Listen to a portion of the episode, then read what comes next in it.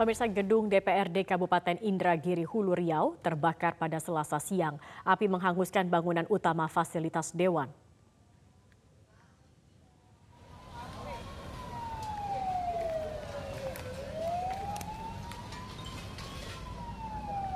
Kebakaran terjadi di gedung DPRD Kabupaten Indragiri Hulu di Jalan Lintas Kelurahan Pematang Reba, Kecamatan Rengat Barat, Riau. Kebakaran menghanguskan lantai dua gedung Dewan. Bangunan ini merupakan fasilitas utama sebagai lokasi aktivitas para anggota Dewan. Hingga kini penyebab kebakaran masih belum diketahui. Sejauh ini belum ada laporan korban jiwa atas peristiwa kebakaran yang terjadi. JPU mengungkap bahwa Richard Eliezer menembak Yosua 3 sampai 4 kali. Namun ada 7 luka tembak masuk dan 6 luka tembak keluar di tubuh Yosua. Jaksa meyakini Ferdi Sambo ikut menembak Yosua. Terdakwa Ferdi Sambo berteriak ke arah saksi Richard Eliezer Pudium Lumiu dan seketika juga berteriak dengan suara keras kepada saksi Richard Eliezer dengan perkataan, "Woi, kamu tembak, kau tembak cepat, cepat woi, kau tembak." Saksi Richard Eliezer Pudium Lumiu mendengar aba-aba terus langsung menembakkan senjata api yang dipegangnya ke arah korban Nopriansa Yusuf Barat sebanyak tiga kali atau empat kali. Tembakan yang mengenai tubuh korban Nopriansa Yusuf Barat hingga terjatuh tertelung, tertelungkup sambil mengerang kesakitan dan berdasarkan keterangan saksi Richard Eliezer Pudium Lumiu, terdakwa Perisambu seketika itu juga menghampiri tubuh korban Nopriansa Yusuf Barat yang sudah tertelungkup dengan menggunakan sarung tangan hitam, menggenggam senjata api, menembakkan ke arah tubuh korban hingga korban Nopriansa Yosuta Barat meninggal dunia. Setelah itu, terdakwa Perdi Sambo jongkok di depan tangga sambil menembak berkali-kali ke arah tembok di atas tangga, lalu membalikkan badan sambil berjongkok menembak berkali-kali ke arah pelapon di atas televisi, guna menciptakan seolah-olah telah terjadi tembak menembak. Kemudian senjata api yang telah digunakan dilap oleh terdakwa Perdi Sambo guna oleh guna menghilangkan jejak sidik jari terdakwa Perisambo lalu ditelak, diletakkan di tangan kiri korban Nopriansa Yosua Huta Barat. Rumah dinas Kapolda Papua di Kota Jayapura, Papua pada selasa pagi tadi terbakar. Api menghanguskan 60 persen bangunan rumah dinas.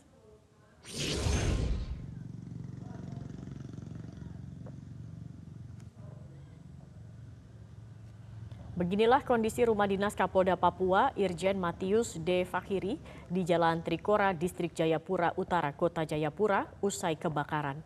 Kerusakan akibat kebakaran pada bangunan utama kediaman mencapai 60 persen dari seluruh komplek bangunan. Kabit Humas Polda Papua, Kombes Ignatius Beni Adi Prabowo mengatakan penyebab kebakaran diduga akibat korsleting listrik.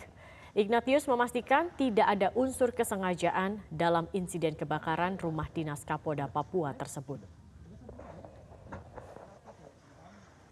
Sebelumnya kebakaran rumah dinas Kapolda Papua terjadi pada Selasa 17 Januari 2023 sekitar pukul 5 pagi waktu Indonesia Timur. Kebakaran terjadi tidak lama setelah gempa bumi berkekuatan magnitudo 3,6 mengguncang kota Jayapura. Diduga korsleting listrik yang menyebabkan kebakaran terjadi akibat guncangan gempa bumi. Tidak ada korban akibat kebakaran, namun kerugian material akibat kebakaran diperkirakan mencapai ratusan juta rupiah.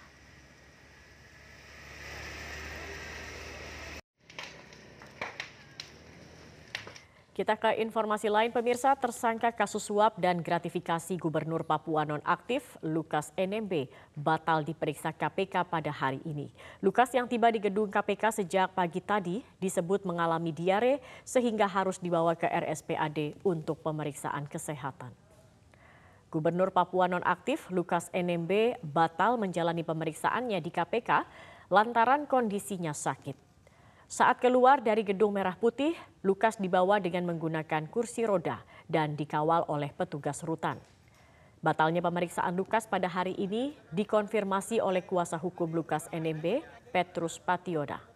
Menurut Petrus, Lukas NMB sudah tiba di gedung KPK sejak sekitar pukul 10 pagi.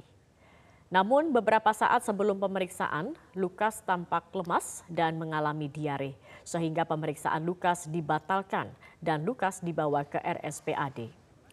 Sedianya Lukas akan diperiksa hari ini dalam kapasitasnya sebagai saksi untuk tersangka pemberi suap Riyatono Laka.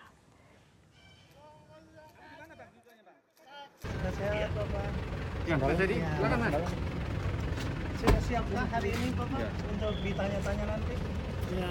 Mas silakan Mas Edi. Loh, Sampean, enggak apa-apa aku jalan aku di samping. Oh, kemarin aktivitasnya apa aja Pak? Sempat makan, sudah bisa makan Pak? Atau minum? Minum. Belum Pak? Makan, minum, tidur. Oh, makan, ma- makan minum, tidur saja? Tidak olahraga Bapak? Sempat olahraga mungkin? Tidak. Oh. Iya. Angkat, angkat. Tadi jam 10 dikeluarkan dari tahanan. Kami mau masuk nggak bisa karena beliau dipindahkan ke sini ke uh, lantai dua. Lalu kami menyusul untuk memastikan apakah Bapak Lukas diperiksa sebagai saksi atau tersangka. Kami koordinasi di bawah, lalu kami disuruh menunggu. Kemudian beberapa menit kemudian mereka mengatakan bahwa Bapak Lukas dilarikan ke rumah sakit. Kita belum tahu kondisinya seperti apa, tapi teman-teman bisa melihat tadi. Artinya drop ya hari ini? Drop, dia drop. Artinya tidak jadi menjalani pemeriksaan karena kondisinya drop. Ya, Intinya itu. eh, mungkin jadwal pemeriksaan tapi tidak bisa, maka beliau dibawa ke rumah sakit. Terdakwa pembunuhan Brigadir Nofrian Syah Yosua Huta Barat, Verdi Sambo, dituntut dengan hukuman pidana penjara seumur hidup. Jaksa penuntut umum dalam sidang pembacaan tuntutan Selasa 17 Januari 2023 menyebut Verdi Sambo dinilai pantas mendapatkan hukuman pidana seumur hidup karena dinilai melakukan penghilangan nyawa Brigadir Yosua dan sempat tidak mengakuinya. Tidak hanya itu, perbuatan Verdi Sambo juga mencoreng institusi Polri dan menyeret sejumlah orang. Perbuatan terdakwa mengakibatkan hilangnya nyawa korban Nopriansyah Yosua Huta Barat dan luka dan duka yang mendalam bagi keluarganya. Terdakwa berbelulit dan tidak mengakui perbuatannya dan memberikan keterangan di persidangan. Akibat perbuatan terdakwa menimbulkan keresahan dan kegaduhan yang meluas di masyarakat. Perbuatan terdakwa tidak sepantasnya dilakukan dalam kedudukannya sebagai aparatur penegak hukum dan petinggi Polri. Perbuatan terdakwa telah mencoreng institusi Polri di mata masyarakat Indonesia dan dunia internasional.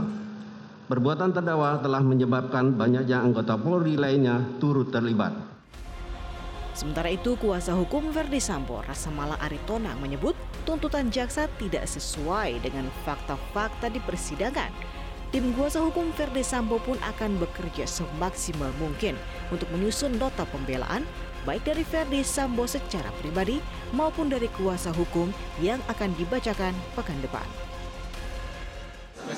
Sebagian besar tentu akan mengcounter apa yang disampaikan oleh jaksa penuntut umum karena tadi di surat tuntutan ada jalan cerita yang disampaikan termasuk pemenuhan unsur-unsur yang menurut kami ini uh, berjauhan dengan fakta yang sebenarnya terungkap pada persidangan. Nanti kita ungkap lebih lengkap di dalam pembelaan kita ya, fakta-fakta apa yang terkait, kemudian bukti-bukti apa yang relevan untuk mengcounter apa yang disampaikan oleh jaksa penuntut umum. Dari sisi kami tentu sebagai penasihat hukum juga dari sisi Pak Sambo.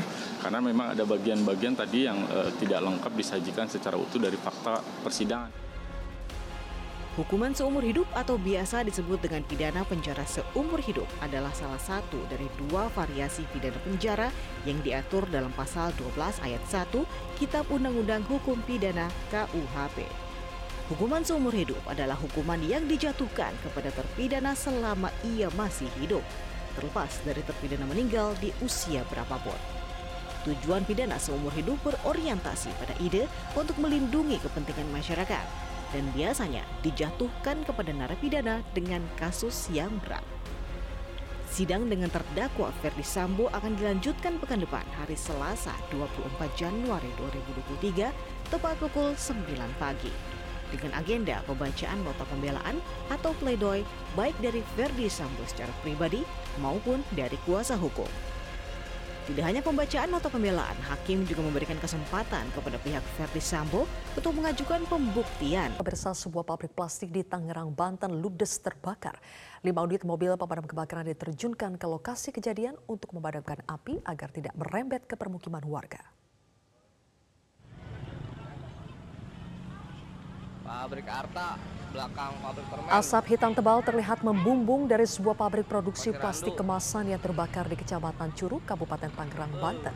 Banyaknya bahan yang mudah terbakar seperti plastik dan thinner membuat api semakin cepat membesar hingga meludeskan bangunan pabrik di dekat permukiman warga. Sejumlah karyawan panik mencoba menyelamatkan barang yang tidak terbakar ke tempat yang lebih aman. Kepala Badan Penanggulangan Bencana Daerah Kabupaten Tangerang, Ujat Sudrajat mengatakan api berasal dari area luar gedung produksi dan merembet ke dalam area gedung produksi. Tidak ada korban jiwa maupun luka dalam peristiwa kebakaran ini. Kerugian ditaksir mencapai miliaran rupiah. Kasusnya kini masih dalam penyelidikan Polsek Curug. Gedung yang terbakar itu gedung area produksi. Awalnya api dari luar gedung, tapi masih di area pabrik. Dugaannya apa sih Pak? Ya, Dugaannya penyebabnya kebakaran? ya dugaan kita masih ini belum kita pastikan ya, apakah ada di korsleting atau apa gitu.